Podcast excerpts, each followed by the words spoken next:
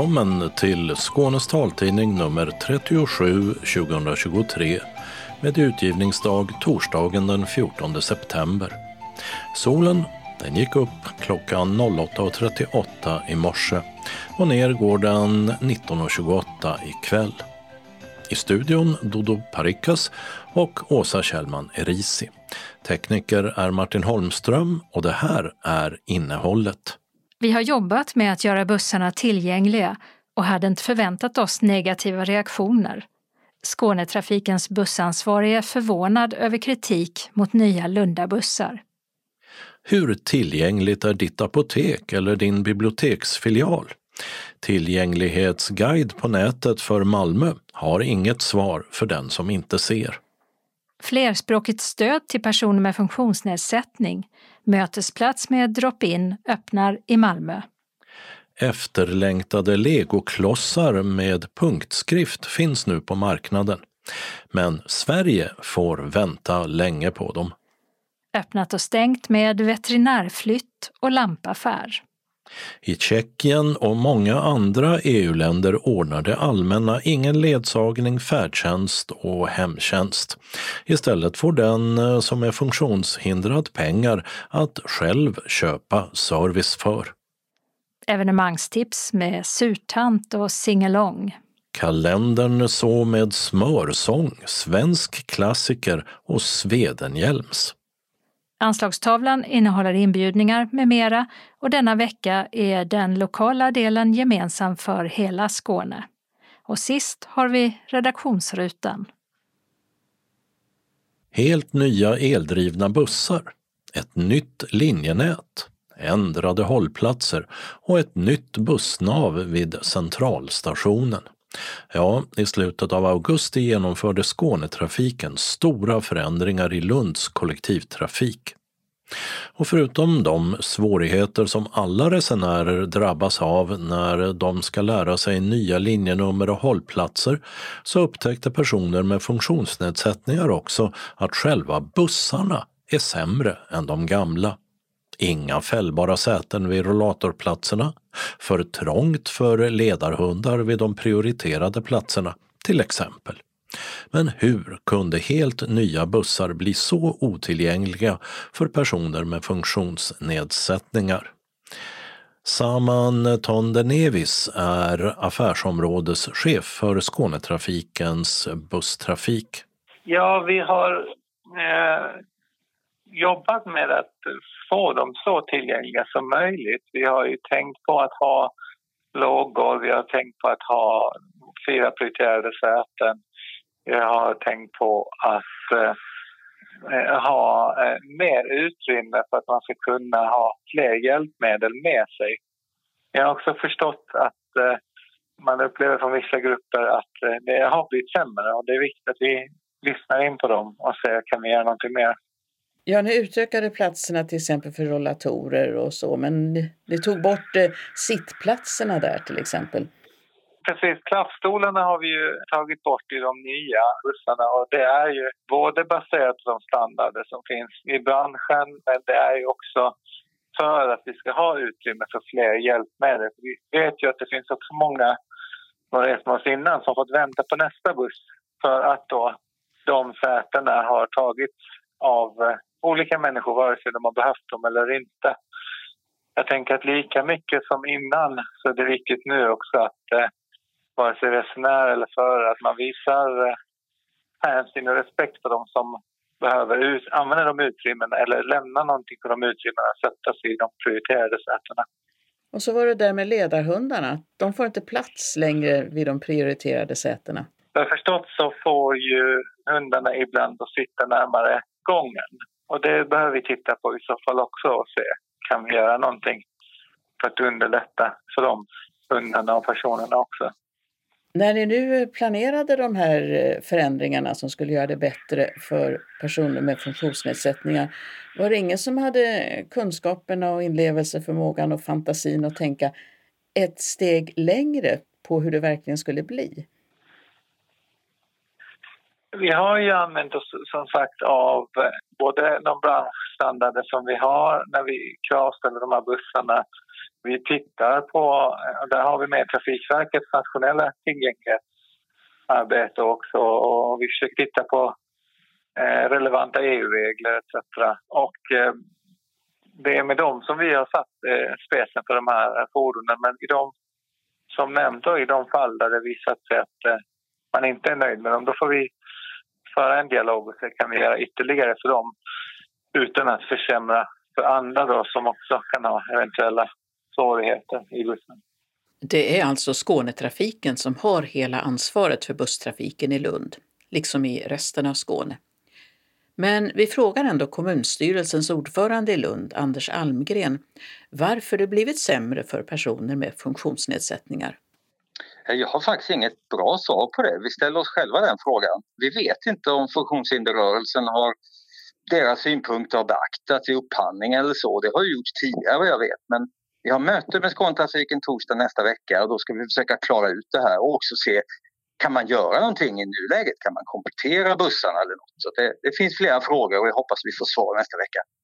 Synskadade Lundabon Ann-Kristin Fast känner inte till att funktionshinderorganisationerna skulle ha varit tillfrågade om bussarna. Så vilka organisationer har Skånetrafiken haft kontakt med? Saman Tonnevis igen. Där, vad jag vet så har vi inte haft en eh, kommunikation inför upphandlingen med specifika organisationer utan då är det de standarder eh, som används. Och där brukar det finnas eh, tillgänglighetsdialoger man har vad jag förstått med eh, inom Trafikverket och Svensk kollektivtrafik. Vi har inte haft några specifika för Lund. Har vi inte haft. Det står på er hemsida att eh, Lund är först i Skåne med den här eldrivna busstrafiken och så. Betyder det att de här bussarna köps in till andra städer i Skåne också? Lund är den första staden som får en helelektrifierad bussflotta. Om det är just specifikt den här bussmodellen, det, vi har olika bussmodeller runt hela Skåne så jag kan inte svara riktigt om, om, om det är exakt den här modellen som införs på flera ställen. Vad händer nu då med bussarna i Lund? Kan ni göra någonting för att förbättra för funktionshindrade? Det har ju varit viktigt för oss att hitta en eh, lösning som möjliggör att fler personer med funktionshinder kan resa med oss. Vi har plats för hjälpmedel. Men det som är viktigt nu är att vi tar till dem, oss de synpunkter vi har fått in och se kan vi hjälpa de specifika personerna mer. Så det kommer vi göra. Ni kan titta vidare på det, men är det möjligt till exempel att göra förändringar i bussarna nu? Jag tror det är viktigt att vi tittar på det, men jag kan inte svara just nu om vi kan det och vad vi gör. Men att ta till oss måste vi göra. Blev du förvånad över att det, att det blev så här? Ja, men det ser så här bara. Nu blir det mycket ljud här, ursäkta. Saman Tonevis sitter på ett försenat tåg på vägen till Malmö och vi blir avbrutna av ett informationsmeddelande i högtalarna. Anders Almgren är också på resande fot. Han sitter på en buss i Lund. Just nu sitter jag faktiskt på en av de äldre bussarna, jag sitter på en sån här regionbuss. Så jag ser inte riktigt den här skillnaden. Men här har man ju däremot den här möjligheten som man har framfört att den skulle saknas på de nya stadsbussarna, det vill säga att du kan sitta bredvid din rollator till exempel och så. Och där är ju förutsättningarna inte lika bra då på stadsbussarna. Det är i alla fall det som har framförts. Har du åkt med stadsbussarna själv? Jag har åkt med dem själv. Jag har gjort, gjort det så sent, som, så sent som idag. Men då tänkte du inte på hur det såg ut om man var funktionsnedsatt?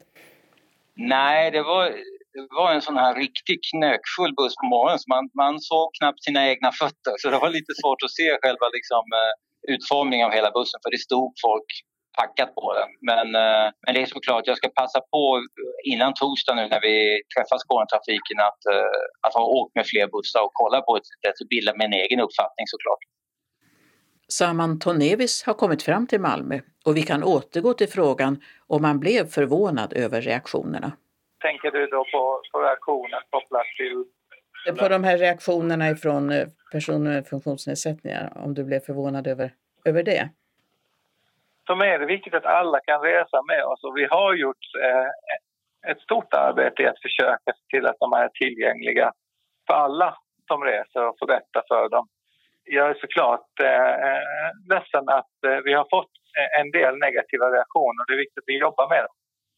Så det hade du inte förväntat dig? Du är förvånad? Jag hade inte förväntat mig eh, sådana reaktioner. Men det är viktigt nu att vi tar till oss dem och tittar på och se kan vi underlätta. Sa Saman Tondenevis, affärsområdeschef för Skånetrafikens busstrafik. Vi hörde också Anders Almgren, socialdemokrat och ordförande i kommunstyrelsen i Lund. Och det möte med Skånetrafiken som han talade om i inslaget äger rum den 14 september, alltså den dag som det här numret av Skånes taltidning kommer ut. Och vi hoppas kunna återkomma till det mötet i nästa nummer. Reporter var Birgitta Fredén. En tillgänglighetsguide på Malmö stads hemsida över apotek, bibliotek, vårdcentraler och andra lokaler i staden är inte tillgänglig för synskadade. Kartan på sajten är helt otillgänglig och länkar fungerar inte för den som inte ser. Så här lät det när vi bad taltidningens blinda medarbetare Karla Perez Darce Novitski och Khaled Amairi att testa guiden. Jag har kommit in till sidan. När jag har kommit in jag började läsa rubriker på sidan men efter att jag har kommit in till guiden jag kunde inte läsa någonting. Uh, och gå upp igen. Ja. Under så finns en liten information. Ja, jag kan läsa dem. Det här är bra. Ja. Men här... Och där är kartan. Här. Knapp, knapp, knapp. Ingenting. Ja, den kommer till länkarna men ja, ingenting länkarna, händer. Men det finns länkar men man kan inte läsa någonting. Vad tycker du om att en tillgänglighetsguide inte är tillgänglig? Uh, det är jättesvårt fråga. Hoppas om de kan kolla på den här uh, sidan med utvecklaren. Han kanske vet inte hur uh, bygger en webbsida som, som passar bra för synskadade. Har du provat den även i smartphone? Jag har provat smartphone men det är samma sak. Khaleds kollega Karla har gjort samma erfarenheter som han. Så för att komma åt information om tillgängligheten till exempel på ett apotek fick jag som seende hjälpa henne att eh, komma in på rätt ställe. Ja, nu kom det upp en text. Tabell med två kolumner Odengatan 43. Och då kommer det upp adress, Odengatan 04 och telefonnummer. Och här finns en bild. Som det inte finns någon tolkning på? Uh, piss. Synskadad. Uh, streck och sen synskadad. Streck. Hörselskadad. Okej, okay, det fanns ingen information för sig om uh, synskadeanpassning? Nej. Eller den verkar vara ganska interaktiv för de som ser men inte med talsyntes. Um, jag tänker mig att eh, man ska kanske tänka mer i text än att försöka få det visuellt koda så att länkarna och knapparna funkar och blir läsbara.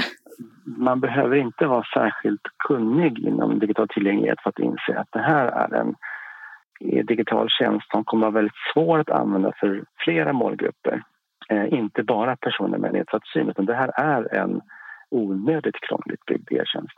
Elias Benani är specialist i digital tillgänglighet vid DIGG, Myndigheten för digital förvaltning. Vårt uppdrag på DIGG är att främja digital tillgänglighet hos alla myndigheter. Och därför genomför vi då tillsyn av olika digitala tjänster. Och hade vi genomfört tillsyn av den här tjänsten så hade vi just för gruppen synskadade noterat flera brister här. Dels så är det här ju en tjänst som bygger väldigt mycket på att du klickar dig runt och för personer som har lite synrester kvar, ja då skulle man kunna klicka sig igenom e-tjänsten. Men har du ingen syn alls, då skulle jag säga att den här tjänsten är i det närmaste oanvändbar. Men detta har vi inte provat, jag vill verkligen säga det, men givet vår erfarenhet av tillsyn av digitala tjänster så vet vi ungefär var problemet ligger och det här skulle bli ett problem. Och om eh, du ser på den allmänna bilden eh, efter nu att eh, det har funnits en lag när det gäller tillgänglighet ett bra tag. Hur ser det ut hos kommuner, regioner, myndigheter i allmänhet? Hur pass mycket klarar man av att fixa det? Det varierar väldigt mycket. Vissa kommuner de är någorlunda bra medan andra är kanske inte fullt lika bra. Och det här beror inte så mycket på eh, lagstiftningen. Det handlar mer om att de som jobbar med e-tjänsterna, så att säga folket på golvet, de har ändå en hyfsat god uppfattning om vad man ska göra. Sen är det alltid fråga om resurser. Har man fått de medel man behöver att kunna bygga eller beställa bra e-tjänster? Hur ser det ut med beställarkompetensen när man gör upphandlingar? Kan man formulera krav så att det blir bra? Kan man, när man får in anbud från olika företag, har man då kompetens att avgöra om de här anbuden är av god kvalitet eller inte? Så det finns många skäl till att det varierar men vi har inte sprungit på någon myndighets eh, webbplats som vi tycker fungerar jättebra. Det finns alltid svårigheter. Men på hela taget tycker vi att det blir bättre och bättre. Vi ser ju att Eh, de vi pratar med och de som vi granskar uppskattar vår tillsyn väldigt mycket och har det som underlag för att förbättra sina tjänster. Och när det gäller den för synskadade otillgängliga tillgänglighetssidan hos Malmö stad så är man på stadsbyggnadskontoret som ansvarar för sidan fullt medveten om problemen och man har funderat på att lägga upp all information som text eller kanske i en Excel-fil. Det berättar kommunikatören Lotta Hansson i ett mejl till taltidningen. Men man har inte kommit fram till vad som skulle vara optimalt. Och de efterlyser i mejlsvaret till taltidningen även input från synskadade för att utveckla plattformen. Vi hör Elias Benani på DIGG igen. Givet det du säger att man tar fram en webbplats som då riktar sig mot den här målgruppen och då att man efter lansering ber om synpunkter, det tyder ju på, alltså jag säger verkligen tyder på man har resonerat i lite omvänd ordning. Det ter sig väldigt underligt att en offentlig aktör Malmö stad i det här fallet har byggt en tjänst som riktar sig till människor med funktionsnedsättningar och där tjänsten långt ifrån uppfyller de europeiska krav som finns på digital tillgänglighet. Jag skulle rent av säga så här att Malmö stad skulle nog vinna på att göra om det här från början för att försöka lappa och laga den här tjänsten, det kommer nog inte att gå. Det är nog ändå effektivare och billigare och snabbare att uh, göra om hela tjänsten. Reporter var Dodo Parikas och guiden finns på hemsidan malmo.se tillgänglighet. På fredag den 15 september öppnar en mötesplats där det erbjuds flerspråkigt stöd för personer med funktionsnedsättning. Det handlar om Arvsfondsprojektet Olika men lika som har en lokal på Nobelvägen i Malmö. Men projektledaren Monica Gallego och deltagarstödsansvariga Silvia Gostek tänker sig också att mötesplatsen kan vara rörlig och åka ut till andra platser om och när det behövs. Vi hör nu Monica Gallego berätta om hur projektet kom till och vi ska tillägga att det regnar rätt häftigt utanför rummet där intervjun sker, vilket hörs. Det var organisationen Tahrir tillsammans med ABF Malmö som pratade med en eh, funktionsrättsaktivist som heter Shabia Ali. Hon är jurist, eh, hon har en funktionsnedsättning själv och hon pratar flera språk, men inte svenska. Så hon berättade att det var ganska svårt, eller upplevde som ganska svårt, att få tillgång till sina rättigheter här i Sverige. Även om hon själv var jurist och kunde prata engelska till exempel. Och därifrån undersökte de vad är det för projekt och verksamheter som finns för personer som har funktionsnedsättningar i Sverige som inte har svenska som modersmål. Och vi tror att det inte finns någon som har försökt tillräckligt mycket att jobba med flerspråkighet när det gäller personer som har funktionsnedsättningar. Så de bestämde sig att ansöka till det här projektet som Arvsfonden beviljade och vi startade i oktober förra året. Vad tycker du är viktigt med det här projektet? Att det är så eh, unikt att det inte har gjorts ett sånt här projekt innan med flerspråkighet och med funktionsnedsättning. Det är väldigt eh, få som har ta tag i båda de här äh, faktorerna. Huset har två matsalar. Ifall den delen skulle vara upptagen, då kan vi vara här. Här luktar kaffe. Ja, precis. Det är lite pantry som vi har där. Och här kan vi vara typ, vet inte, 20 personer kanske. Eh, sen... Det här är en korridor där det finns flera föreningar i huset.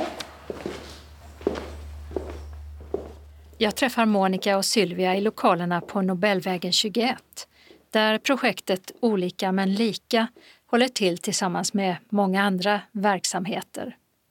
Och den 20 september så ska man starta med sin drop-in-verksamhet här och också vara en mötesplats dit man kan komma och träffa andra i samma situation.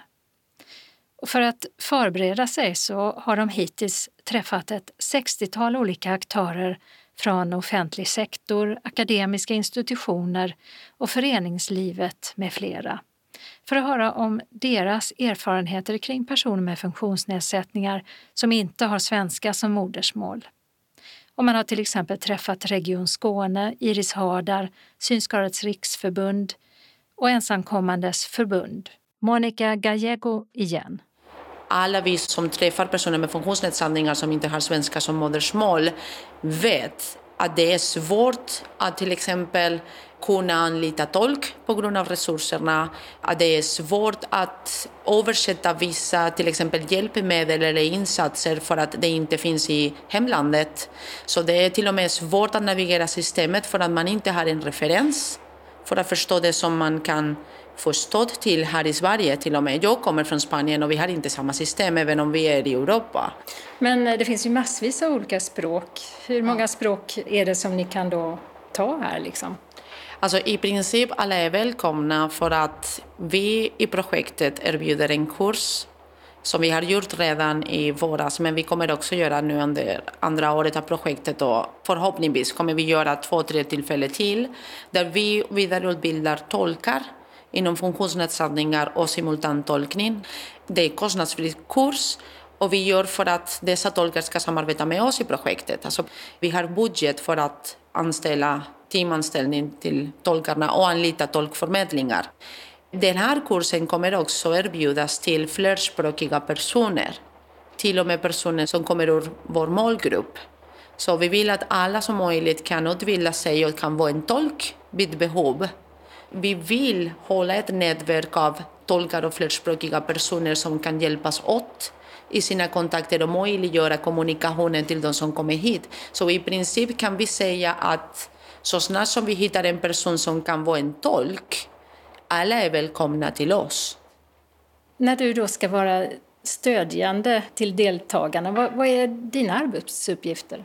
Att hitta rätt eh, kontakt och möjligheter för eh, deltagarna att eh, delta på lika villkor. Jag tror också det handlar om att möjliggöra möten deltagarna emellan. Att de själva också ska ta lite grann av ett ansvar att vara självständiga individer.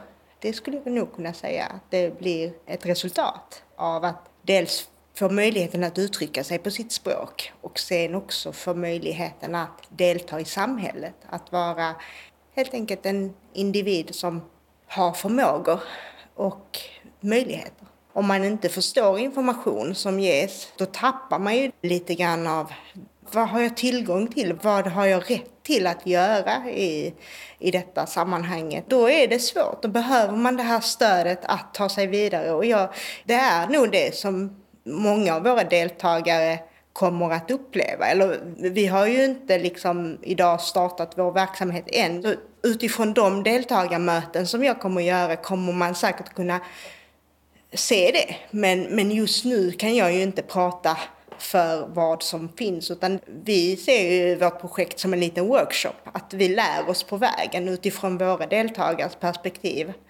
kommer vi också att hämta kunskap. Så att det är inte vi som besitter kunskapen i projektet utan vi hämtar den ifrån de som då skulle besöka oss.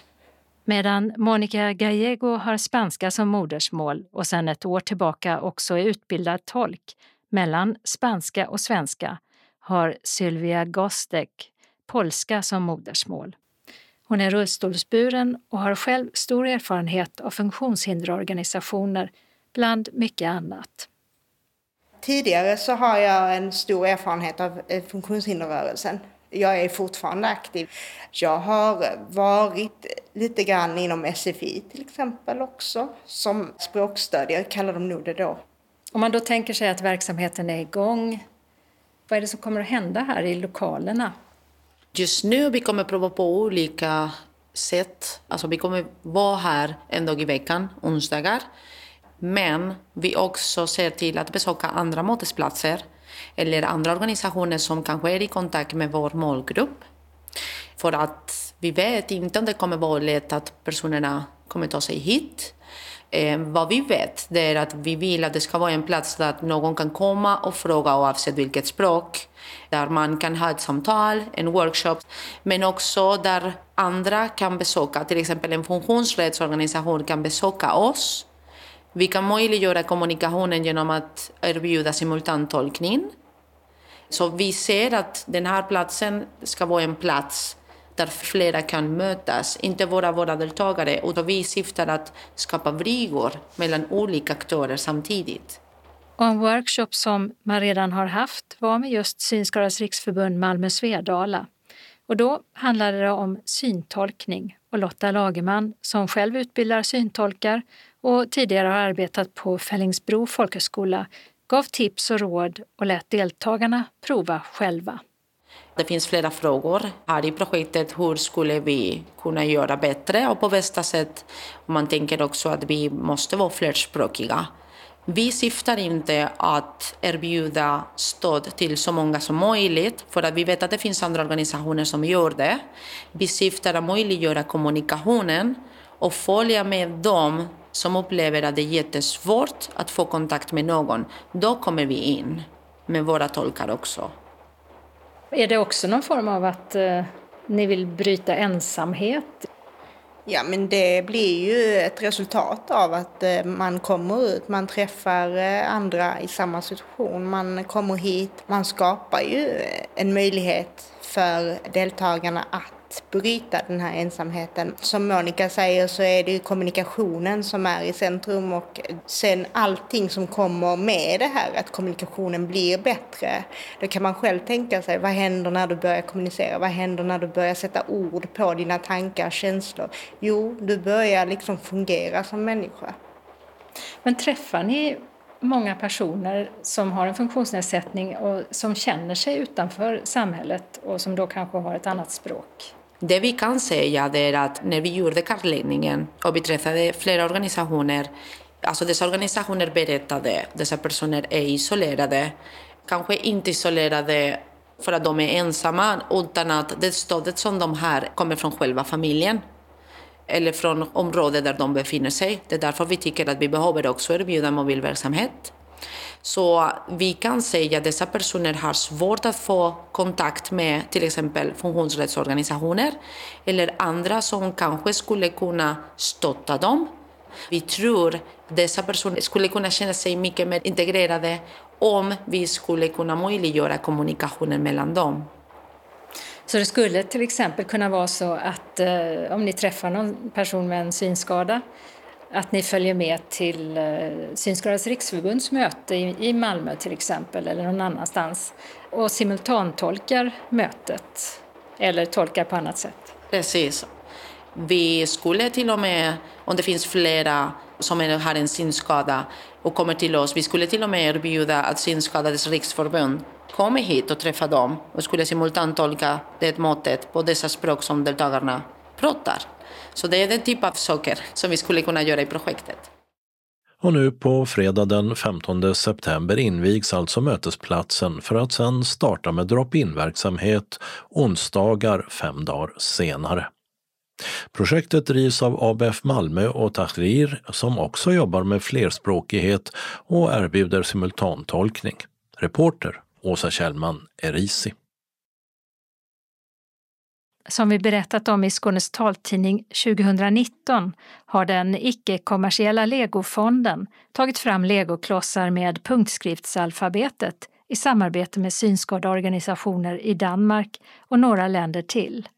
Lådor med punktskriftslego har sedan delats ut till skolor och förskolor där det finns barn med synnedsättning, bland annat i svensk version med SRF som samarbetspartner. Och nu lanseras punktskriftslego även på den kommersiella marknaden. Än så länge är det bara tillgängligt i engelsk och franskspråkiga länder, men det ska säljas också en svensk version. Det kommer att dröja, säger Cecilia Ekstrand, intressepolitisk handläggare på SRFs rikskansli i Stockholm. Ja, det är jätteroligt att Lego nu börjar eh, producera boxar för försäljning för det har funnits en efterfrågan. Man börjar ju nu med England och Frankrike. Sverige kommer också att få tillgång till legoboxar med svenskt alfabet. Det kommer dröja ett antal år framåt. Man tar några språk i taget och man ska då beställa boxarna ifrån det land där man pratar det språket. Så, så engelskspråkiga länder beställer ju engelska boxar men vi får vänta till vi får klartecken att de svenska boxarna är i produktion. Vad kan vi tro om fem år, fem, sex år kanske? Det kommer så småningom, men exakt när är inte klart än. Då är det det engelska alfabetet då, så att säga A till Z och så siffrorna eh, på de engelskspråkiga klossarna. Ja, det är rätt. Så att när vi sen så småningom får de svenska, då är det ju det svenska alfabetet som, eh, som kommer att finnas på klossarna. Vi vill ju ha Å, Ä, Ö. De här boxarna, vad innehåller de då? Ja, de innehåller ju då klossar med punktskrift och med svart eh, bokstav och siffra och sen finns det med lite förslag på, på saker då och övningar som man kan göra tillsammans med det materialet. De lådor som nu lanseras på marknaden innehåller 287 legobitar i vitt, rött, gult, grönt och blått. Som alltså är som övrigt lego, förutom att de upphöjda punkterna utgörs av en bokstav i punktskriftsalfabetet med samma bokstav tryckt på klossen också i svartskrift. Men det är inte billigt. En låda kostar 90 euro, vilket väckt en del reaktioner, säger Cecilia Ekstrand. Jag har sett att det har varit lite reaktioner i sociala medier att, att de kommer kosta nästan, om jag förstår det rätt, uppåt nästan tusen kronor för en box och det är ju dyrt. Den kommersiella utgåvan av punktskriftslegot har alltså tagits fram efter önskemål från exempelvis föräldrar till barn med synnedsättning som har kommit i kontakt med de lådor som Legofonden utvecklat på ett antal språk, däribland svenska, och sedan donerat till pedagogiska verksamheter med hjälp av organisationer i länderna. I Sverige är Legofondens samarbetspartner SRF där Cecilia Ekstrand är politisk handläggare med särskilt ansvar för frågor som rör punktskrift, pedagogik, barns rättigheter och internationella samarbeten. Och det är hon som har till uppgift att verka för att lådorna hamnar hos just de verksamheter där behovet finns. Det är en fantastisk möjlighet att lyfta punktskriftens betydelse. För det kan vara en utmaning idag att få alla runt barnen att förstå att det är så viktigt att man lär sig den konkreta punktskriften för den behöver man ha med sig upp i åren eh, och sen kompletterat då med all fantastisk teknik som finns. Och det här materialet är också ett fantastiskt verktyg för att utöka samspelet mellan de seende barnen och barnet som inte ser i barngruppen på förskolan och i klassen med, med seende klasskamrater. Så att förskolor och skolor har hittat till informationen om att det finns på olika sätt. Och då kontaktar de mig och beskriver att eh, vi har ett barn som ska börja i vår förskola och barnet ska använda punktskrift och vi är intresserade av det här materialet. Och likadant då om barnet ska börja i förskoleklass eller börja i skolan, börja i särskolan. Eh, och då är det ju precis rätt målgrupp. Information har skickats ut till bland annat syncentraler och Specialpedagogiska skolmyndigheten, SPSM, som i sin tur förmedlar den till pedagogerna som kontaktar SRF om de är intresserade av en box med punktskriftslego. Cecilia Ekstrand har sedan digitala informationsträffar där hon berättar om Legofonden och om materialet som de donerar. Legofonden tillhör legofamiljen i Danmark. Och Legofonden säljer ju inga produkter utan de får sin finansiering från legoföretaget. Och Legofonden jobbar ju med en vision om att barnen genom lek ska bli kreativa och vilja lära sig hela livet. Och därför tyckte ju Legofonden då att just punktskrift, lego skulle passa inom deras vision. Vi kikar ju då under den här informationsträffen på Legofondens eh, webbsida som är framtagen och den heter legobraillebricks.com. Eh, och där har man då samlat information eh, om Legofondens koncept att lära genom lek och sen finns det ett drygt 106 olika övningar.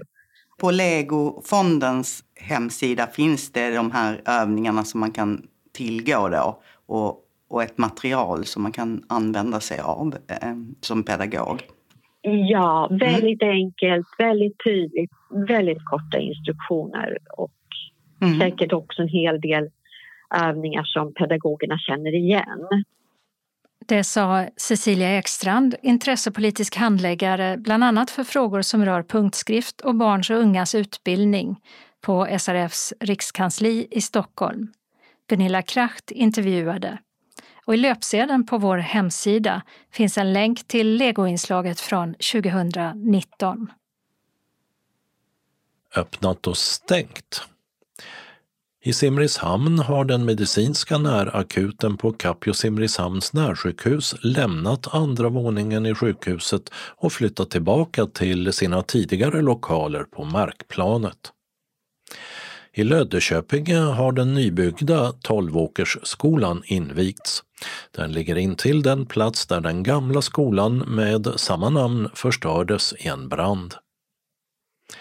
I Lund har den anrika el och lampaffären Klostergatans El på just Klostergatan 8 gått i konkurs och stängt. Men några tidigare anställda har köpt företaget och öppnar på nytt den 22 september under namnet Klostergatans ljusa idéer. Sortimentet kommer i stort sett att vara samma som tidigare förutom att det inte ska säljas vitvaror. I Malmö har kaffebaren och blomsterhandeln Yvig på Solhöjdsgatan i Varvstaden gått i konkurs. Verksamheten hann bara vara igång i ett år innan bland annat ett inbrott och en vattenskada innebar slutet för butiken och fiket. I Tomelilla har Österlens distriktsveterinärsmottagning flyttat till nya lokaler vid torget med adress Östergatan 1. Mottagningen är redan igång och den 12 oktober är det öppet hus för allmänheten. I Trelleborg har en bistro med namnet Steffens öppnat i sushi-restaurangen Chill Outs tidigare lokaler på Kontinentgatan 2 som blev tomma för över ett år sedan. I väntan på alkoholtillstånd är det lunchöppet med baguetter och bakpotatis på menyn. I Vittsjö har våffelcaféet Sjöstugans arrendator gjort sitt och lämnat verksamheten på Blåbärsstigen 4. Ägarna letar nya intressenter. Och i Skurup stänger klädbutiken Happy Design för gott nu den 15 september. Inom EU ansvarar de enskilda medlemsstaterna för den sociala servicen till medborgarna och därför är det stora skillnader när det gäller den hjälp som funktionshindrade kan få från samhället. Och i många länder tar inte stat eller kommun något ansvar för ledsagarservice, färdtjänst eller hemtjänst. Istället får den som har en funktionsnedsättning ofta en summa pengar för att köpa den service han eller hon vill ha. Detta blev vår reportervikarie Per-Axel Jansson varse när han besökte sin svärmor i den tjeckiska staden Liberec. Min svärmor heter Eva Rautskova och bor på Kubanska gatan på en höjd strax utanför Liberec centrum. I ett hyreshus som faktiskt är hennes man som dog tidigare i år och hon själv var med om att bygga på 50-talet. Det var så det funkade i Tjeckien på den tiden. Ville man ha tak över huvudet så kunde man få byggmaterial av regeringen, men byggandet fick man stå för själv. Tyvärr har jag inte haft någon bandspelare med mig de gånger jag besökt henne eftersom jag inte har besökt henne som journalist. Så ni kan inte få höra hennes röst utan jag får helt enkelt berätta om henne. Eva är 89 år och har arbetat som operationssköterska i över 50 år, långt upp i 70-årsåldern. Det innebar att hon fick stå upp vid ett operationsbord större delen av arbetsdagen och idag har hon flera skadade kotor och diskbråck. Hon kan hjälpligt förflytta sig med rullator i lägenheten men inte mycket mer. Därför är hon berättigad till handikappersättning eller merkostnadsersättning som det nu heter i Sverige. Hon får 9000 tjeckiska kronor i månaden utöver sin pension, vilket ungefär motsvarar 4400 kronor i svenska pengar. Det är alltså en högre handikappersättning än den svenska, men så ska den också räcka till betydligt mer. Hon får alltså själv ordna med att någon hjälper henne mot betalning. Någon släkting, granne eller bekant som kan hjälpa henne med att duscha, gå ärenden och ledsaga när hon ska till frissan eller doktorn. Det finns också en marknad av småföretag som hon kan vända sig till om hon vill. Hon bestämmer själv vad hon vill köpa för service och eftersom hon alltid har varit sparsam så gör hon inte ens av med alla de där tjeckiska 9000 kronorna utan ett par tusen sätter hon in på banken. Men är det så här det funkar även för synskadade i Tjeckien? Att man får en påse pengar och sen får man köpa den service man vill ha bäst själv. Jag kontaktade den tjeckiska organisationen Czech Blind United och de svarade att det är i princip så systemet fungerar. Är man funktionshindrad får man en påse pengar av staten och sen får man köpa sig den service man vill ha. Det finns ett tak på handikappersättningen på drygt 12 000 tjeckiska kronor i månaden, vilket motsvarar ungefär 6 000 svenska kronor. Men det finns undantag också där det fungerar annorlunda. Ledarhundar betalas till 90 procent av staten och hjälpmedel, till exempel anpassningar till datorer, är också subventionerade. De flesta kommuner låter funktionshindrade åka med kollektivtrafik gratis och en del kan man till och med få några taxibiljetter per månad. Annars får man köpa den ledsagarservice, färdtjänst eller hemtjänst man behöver själv, bäst man vill. Återstår så bara frågan om det är det tjeckiska systemet som är lite avvikande i Europa eller om det är vi i Sverige som är lite udda med vår skattefinansierade ledsagarservice, färdtjänst och hemtjänst. SRF Skånes ordförande Maria Torstensson är också generalsekreterare i EBU, European Blind Union. Hennes intryck är att det fungerar ungefär likadant i de flesta EU-länder som det gör i Tjeckien.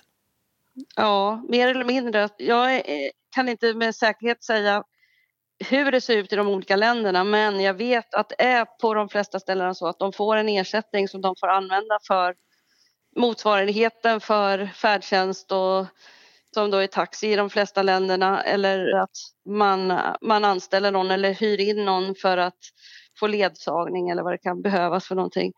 Men som jag har förstått det som så är det väldigt olika i alla länder. Men det är inte alla som har någon eh, bekant eller känner någon som kanske vill vara ledsagare eller komma och hjälpa en att duscha eller något sånt. Nej, nej precis. Och det får man ju säga att vår hemtjänst trots allt är bra på det viset att vi har möjlighet att ha viss typ av ledsagning i alla fall genom socialtjänstlagen. Och vi har möjlighet att ha hemtjänsten till att hjälpa till med, med de basala sakerna som om man behöver det. Det får man väl trots allt säga att det är positivt. Men är det bara nackdelar med ett sådant system att man får en summa pengar eller kan det finnas fördelar också? Jag tycker att det är svårt. För som du sa så, så känner ju inte alla någon som kan hjälpa till med, med de här sakerna. Så att i det långa loppet så tycker jag nog att det är bättre att det sköts genom kommunen, att man får de där möjligheterna genom kommunen istället för att man själv ska ha kontakter och så vidare. Så jag tror att det är det bästa egentligen. Sa Maria Torstensson, SRF Skånes ordförande och generalsekreterare i European Blind Union, EBU. Reporter var Per-Axel Jansson. Evenemangstips så. Nu på lördag, den 16 september, är det än en gång dags för Kulturnatten i Lund. En nyhet är att dansbanan är flyttad till Botulfsplatsen när busstrafiken flyttats därifrån. Det blir hiphop, afro, Lunds studenters folkdanslag, tango med flera dansstilar som visas upp från 12 på dagen till efter midnatt. Men vill man börja dagen redan tidigt så är det fågelprat i Bhutan mellan klockan 10 till 12. Där utlovas en fågelguidning med både fågelberättelser och fågelpoesi. Samling utanför entrén vid växthusen. Klockan 15 till 18 i Bhutan är det fyra forskare som föreläser i cirka 15 minuter vardera om till exempel mikroorganismerna spelar stor roll för klimatet. Men hur då? I saluhallen kan man lyssna till jazzbandet Ulrika och Company som spelar från 15.30 och framåt. Hela programmet hittas på hemsidan lund.se. På Träffpunkt Påarp som ligger på adress Lokföraregatan 20E i Påarp är det så kallad shared reading vid ett antal tillfällen under hösten. Första träffen är nu på måndag den 18 september från 14 till 15.30. Och shared reading, det är att man läser korta texter tillsammans och skapar mening utifrån deltagarnas olika erfarenheter. De andra träffarna är samma tid den 2, 16 och 30 oktober och den 13 och 27 november. Alla är välkomna oavsett läsvana.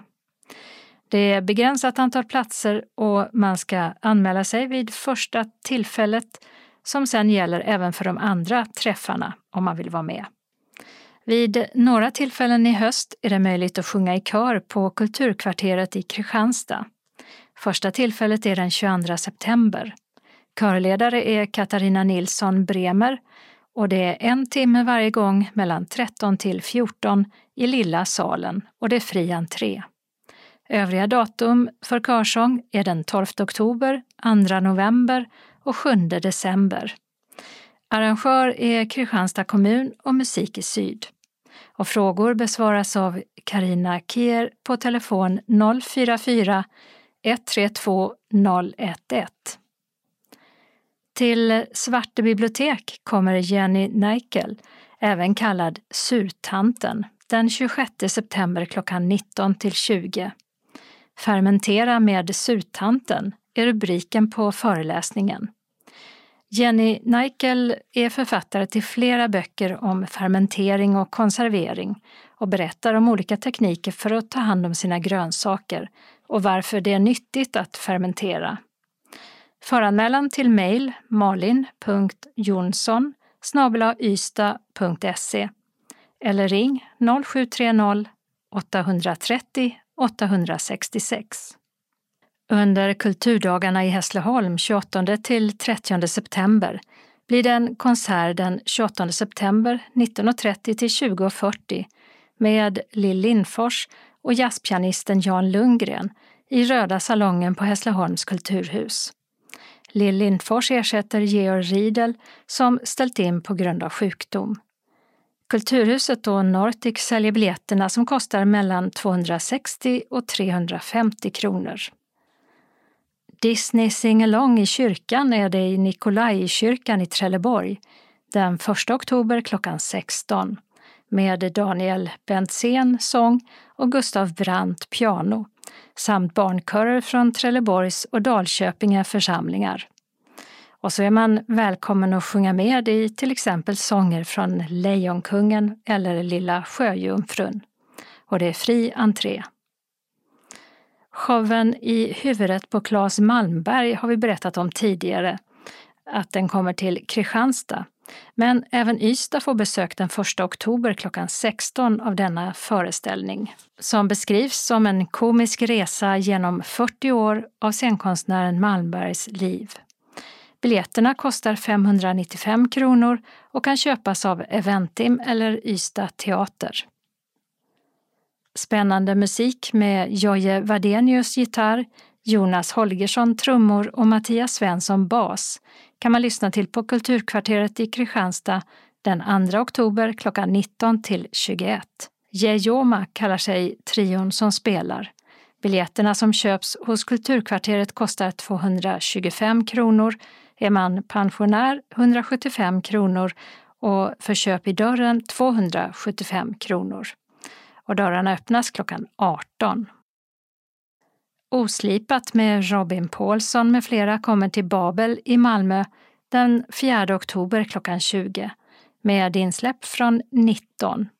Förutom komikern Robin Paulsson kommer också Eleni Tångstedt som bland annat uppträtt med sin soloföreställning GAG som står för Galen arg grek runt om i Sverige.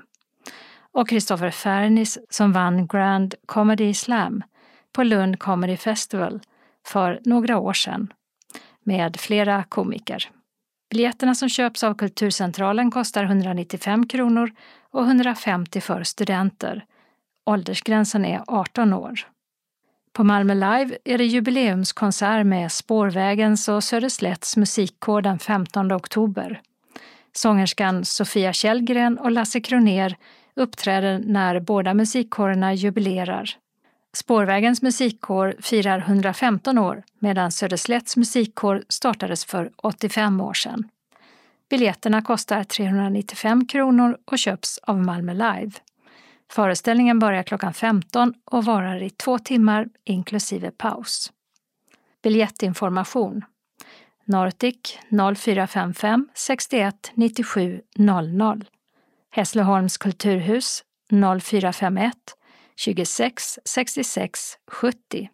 Eventim har telefon 0771 65 10 00 och Ystad Teater 0411 577 199. Kulturkvarteret i Kristianstad 0709 20 58 04. Kulturcentralen 040 10 30 20. Malmö Live 040 34 35 00.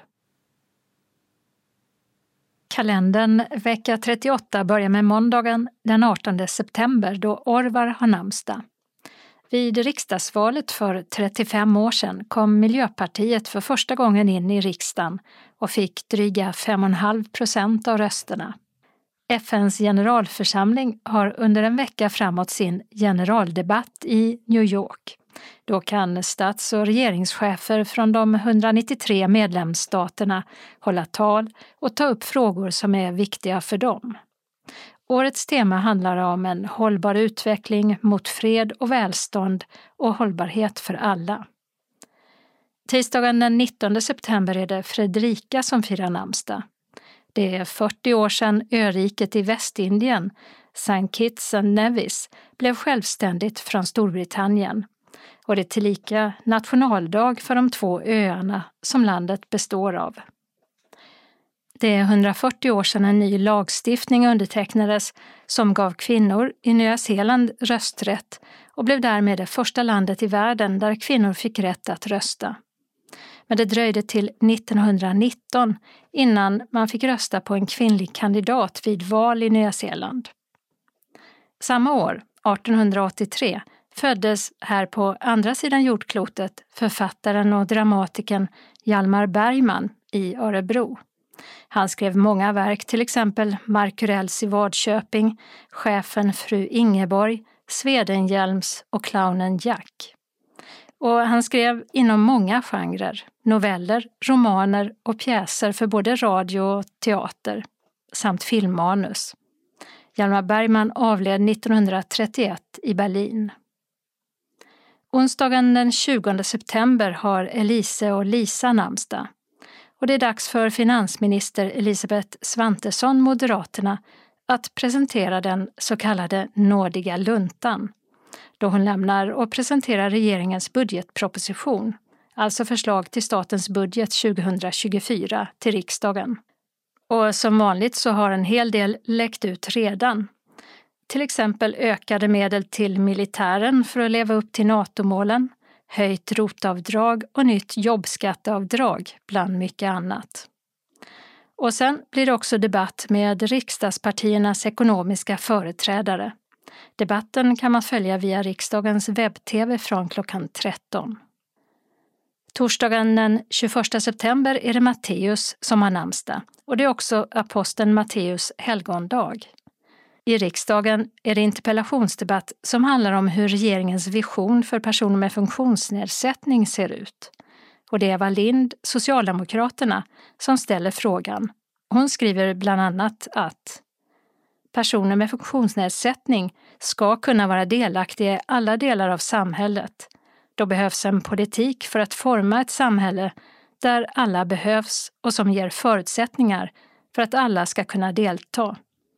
Hon konstaterar bland annat att många som engagerar sig för frågor kring funktionsnedsättning ser att utvecklingen tyvärr går åt fel håll. Frågan besvaras av statsrådet och socialtjänstminister Camilla Waltersson Grönvall, Moderaterna. Och den här debatten den kan man följa från klockan 12 på riksdagens webb-tv. Det är också den internationella fredsdagen och dessutom internationella Alzheimerdagen. För tio år sedan inträffade ett terrordåd i ett köpcentrum i Kenias huvudstad Nairobi. Köpcentrumet belägrades och flera togs som gisslan av extremistiska al-Shabab-anhängare. Nästan 70 personer omkom och 58 personer skadades. Fredagen den 22 september heter namnsdagsbarnen Maurits och Moritz och det är den internationella bilfria dagen då alla bilister uppmanas att ställa bilen under ett dygn. Lördagen den 23 september firar Tekla och Thea sina namn. Det är höstdagjämning, vilket innebär ett förebud om höstens ankomst och natt och dag sägs vara lika långa. De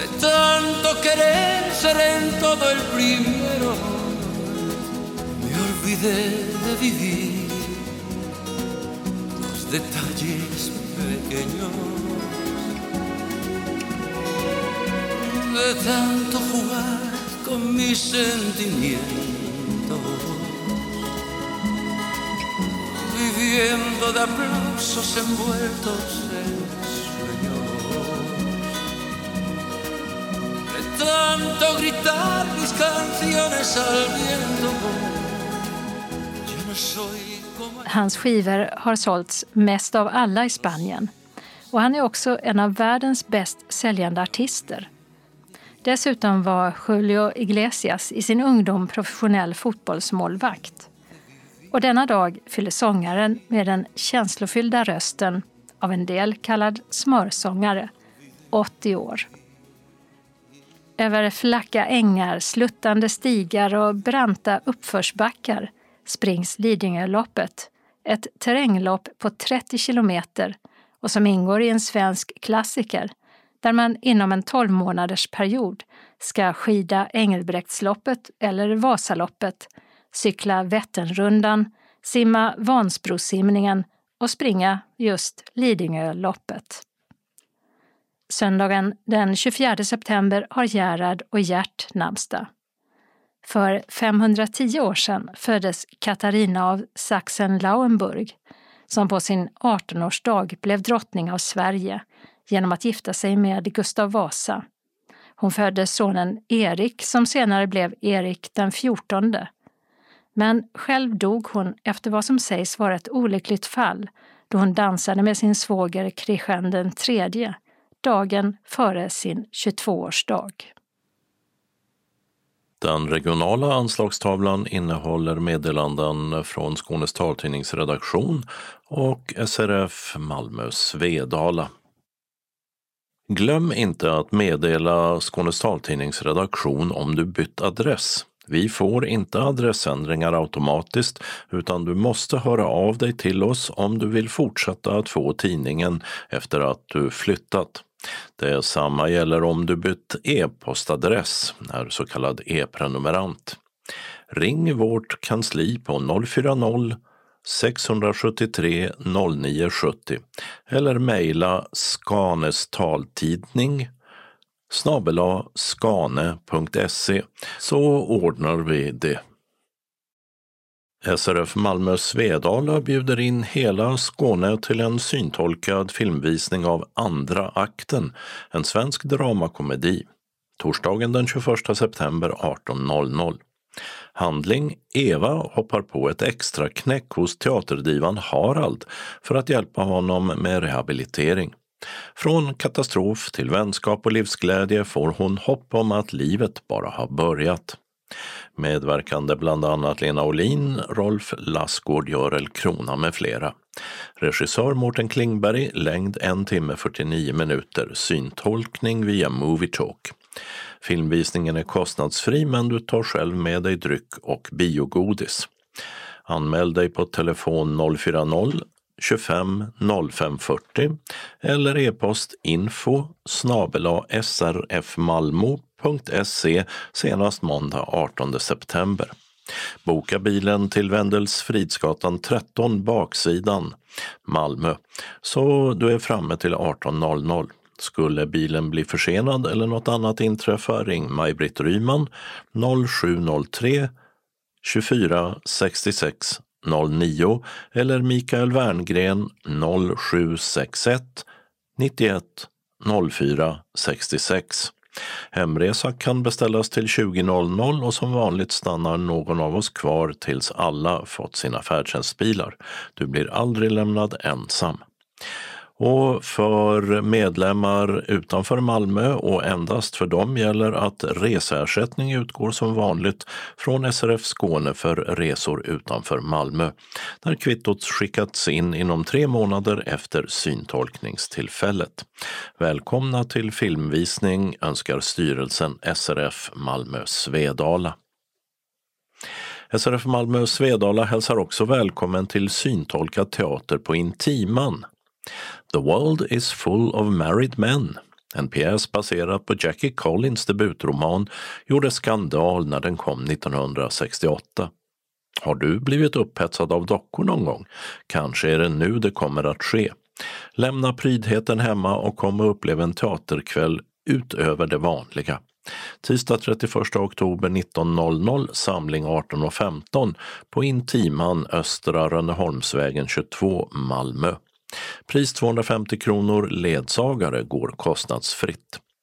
Betalning sker till bankgiro 192 9645 eller swish 123 077 8050 senast 25 oktober. Skriv teater och namn på deltagaren vid betalning. Biljetter delas ut på plats.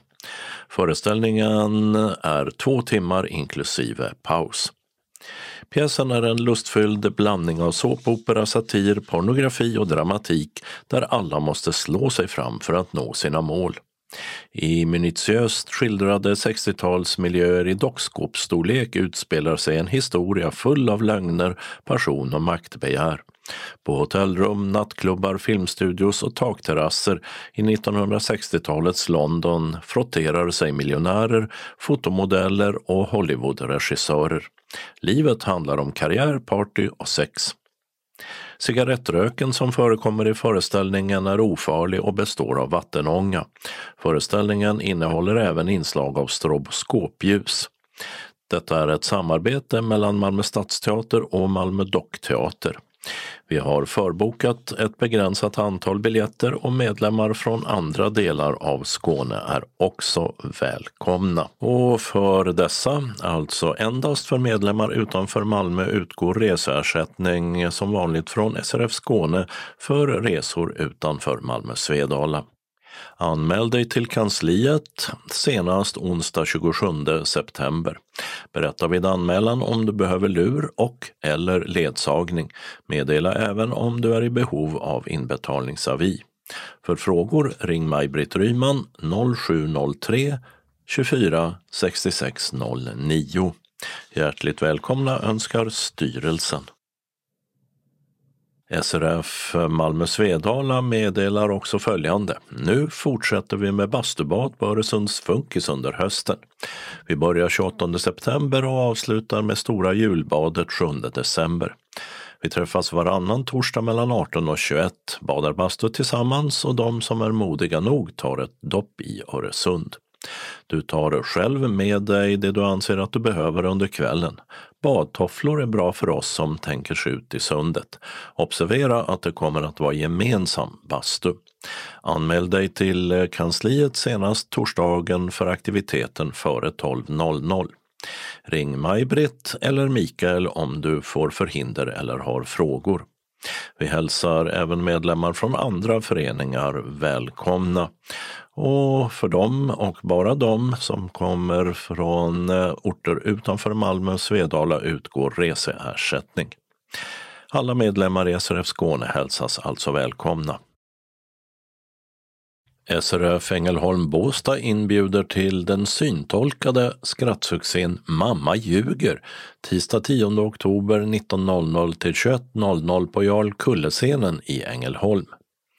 Komikern Jan Bylund och psykologen Mattias Lundberg är tillbaka på scenen efter dundersuccén med Den lyckliga pessimisten. Nu får du svaret på allt du undrat över under hela din barndom. Är allt det mamma sagt för att uppfostra dig till ett välartat barn verkligen sant? Vi har alla hört uppmaningar som Äter du snö får du mask i magen. Om du badar direkt efter att du ätit får du kramp. Sitt inte för nära tvn, du blir blind.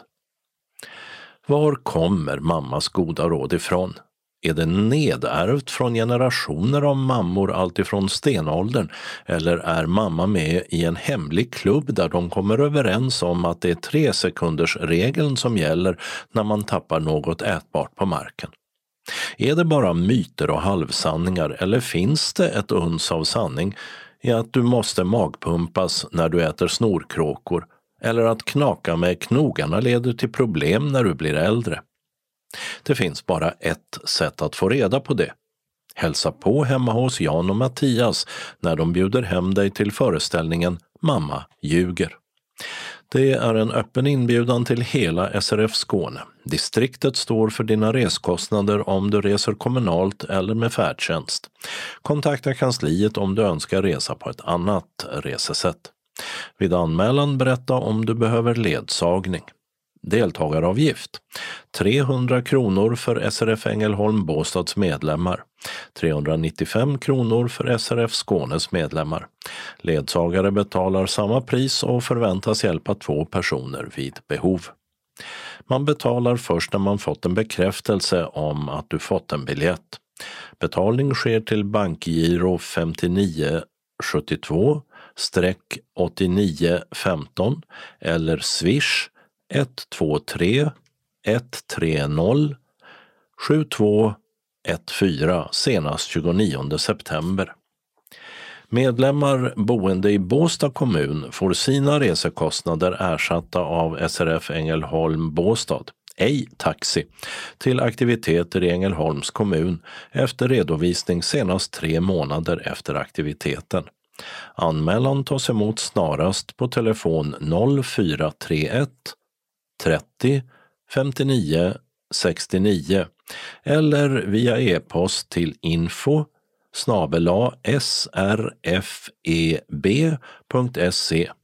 Sista anmälningsdag 20 september. Anmälan är bindande. Det är regeln först till kvarn som gäller. Vi har 20 biljetter bokade. Bekräftelse med tider kommer att skickas ut i god tid. Har du några frågor är du välkommen att kontakta oss på telefon 0431 30 59 69 måndag till torsdag mellan klockan 10 och 17 eller via e-post info srfeb.se. E. Välkommen önskar styrelsen SRF Ängelholm Båstad. Den lokala anslagstavlan är gemensam för hela Skåne och börjar med meddelanden från SRF Malmö Svedala som hälsar välkommen till dagverksamhet vecka 38. Vi serverar kaffe och smörgås eller kaka till en kostnad av 10 kronor. Anmälan till kansliet telefon 040-25 05 40 om man tänker komma på någon dagaktivitet. Senast klockan 10 samma dag som aktiviteten. Måndag 18 september 13 15. Vi träffas och umgås med lite fika och diskuterar aktuella nyheter samt läser lite ur tidskrifter. Ibland hinner vi även med frågesport. Och tisdag 19 september 13 15 15 blir det bingo och fika. SRF Malmö Svedala hälsar också välkommen till tjejträff torsdag 28 september.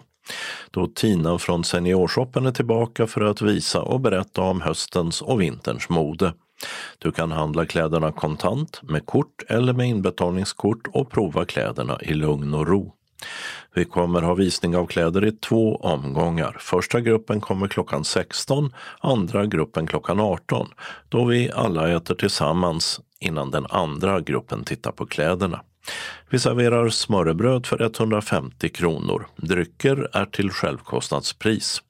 Om man har allergier eller särskild kost meddelar man det vid anmälan. Du betalar deltagaravgiften till bankgiro 192-9645 eller swish 123 077 80 8050. Skriv tjejträff och deltagarens namn vid betalningen senast 25 september. Vill du ha en trevlig kväll, anmäl dig på telefon eller mejla info srfmalmo senast torsdag 21 september. Hjärtligt välkomna hälsar styrelsen. SRF Ringsjöbygdens medlemmar är välkomna på medlemsträff onsdag 27 september. Vi har bjudit in Selma från apoteket som kommer att prata om sömn. Vi träffas på Karidal klockan 17.30 till 19.30. Adressen är Tröskevägen 2 i Eslöv. Anmälan görs senast måndag 18 september till Birgitta, telefon 0413 54 13 33 eller 0705 50 32 61. Varmt välkomna! SRF Västra Skåne har först en inbjudan till sopplunch i SRFs lokal söndag 24 september då det serveras hemlagad potatissoppa, bröd, smör och ost. Kaffe och liten kaka får du också. Tid 12 till 14.30, pris 60 kronor. Betalning erläggs vid bordet. Om du är sugen så anmäl dig och du får vara med i vår härliga gemenskap. I samband med anmälan vill vi gärna veta om du har någon födoämnesallergi. Anmälan senast 15 september till Gunnel 0733 59 50 83. E-post gunnel.loven gmail.com eller Stina Bodil 0702 39 76 26. E-post stina.bodil telia.com. Undertecknat styrelsen snedstreck kockarna. Synskadades riksförbund Västra Skåne inbjuder dig som är stödjande medlem i föreningen till ledsagarutbildning. I mån av plats tar vi även med utomstående med intresse för ledsagning. Datum tisdag 19 september 13 till 15.30 i SRFs lokal Vaktgatan 3, Helsingborg. Utbildningen är kostnadsfri. Föreningen bjuder deltagarna på kaffe och kaka. Du anmäler dig till kansliet, telefon 042 15 83 93 eller e-post srfvastraskane snabel srf.nu senast måndag 18 september klockan 12. Hoppas vi möts då undertecknat Katja och Stina Bodil. SRF Västra Skåne påminner också om tillgänglighetsmarsch i Helsingborg nu på lördag 16 september 11 till 14.00 med samling 11.00 på GA torg och avmarsch 11.30. Det blir senare lättare mat och dryck på det tivoli endast för dem som gått marschen. För mer information ring Jocke Rosendahl 0708 26 96 36 eller Marie Osberg 042 17 72 72. Synskadades riksförbund Ängelholm Båstad inbjuder till öppet hus på Torgträffen, Gasverksgatan 25 i Ängelholm 27 september 14.00 till 16.00. Ingen förhandsanmälan behövs. Vi bjuder på fika med hemlagad äppelkaka med vaniljsås till alla som kommer. Vår valberedning kommer på besök till oss den dagen och presenterar sig. Om du vill kandidera eller nominera en person till vår styrelse så är ni varmt välkomna att ringa Anna-Lena Pekkilä 0703 60 06 47 eller Kristina Arens 0701 44 68 68 eller Anita Gundersen 0723 99 20 44. Välkomna önskar styrelsen. Och vi har ett trafikmeddelande som gäller Klagshamn i Malmö. Där pågår en rad olika vägarbeten på Nygårdsvägen och det berör stadsbusslinje 6. Hållplats Klagshamn läge B ersätts under tiden av en tillfällig hållplats kallad Y, 50 meter västerut på Nygårdsvägen. Och så ska det förbli till och med den 17 april 15.00 i vår. Och det var allt från Skånes taltidning för den här gången. Nästa nummer är ute torsdagen den 21 september. Skånes taltidning ges ut av Region Skånes psykiatri och habiliteringsförvaltning. Ansvarig utgivare är Martin Holmström. Postadress Jörgen Ankersgatan 12, 211 45 Malmö. Telefon 040 673 09 70. E-post Skanes taltidning snabela skane.se och hemsida skanestaltidning.se. Observera att CD-skivorna inte ska skickas tillbaka till oss. Såväl skivor som kuvert kan läggas i brännbara sopor när ni inte längre vill ha dem. Vi hörs igen. Hej då!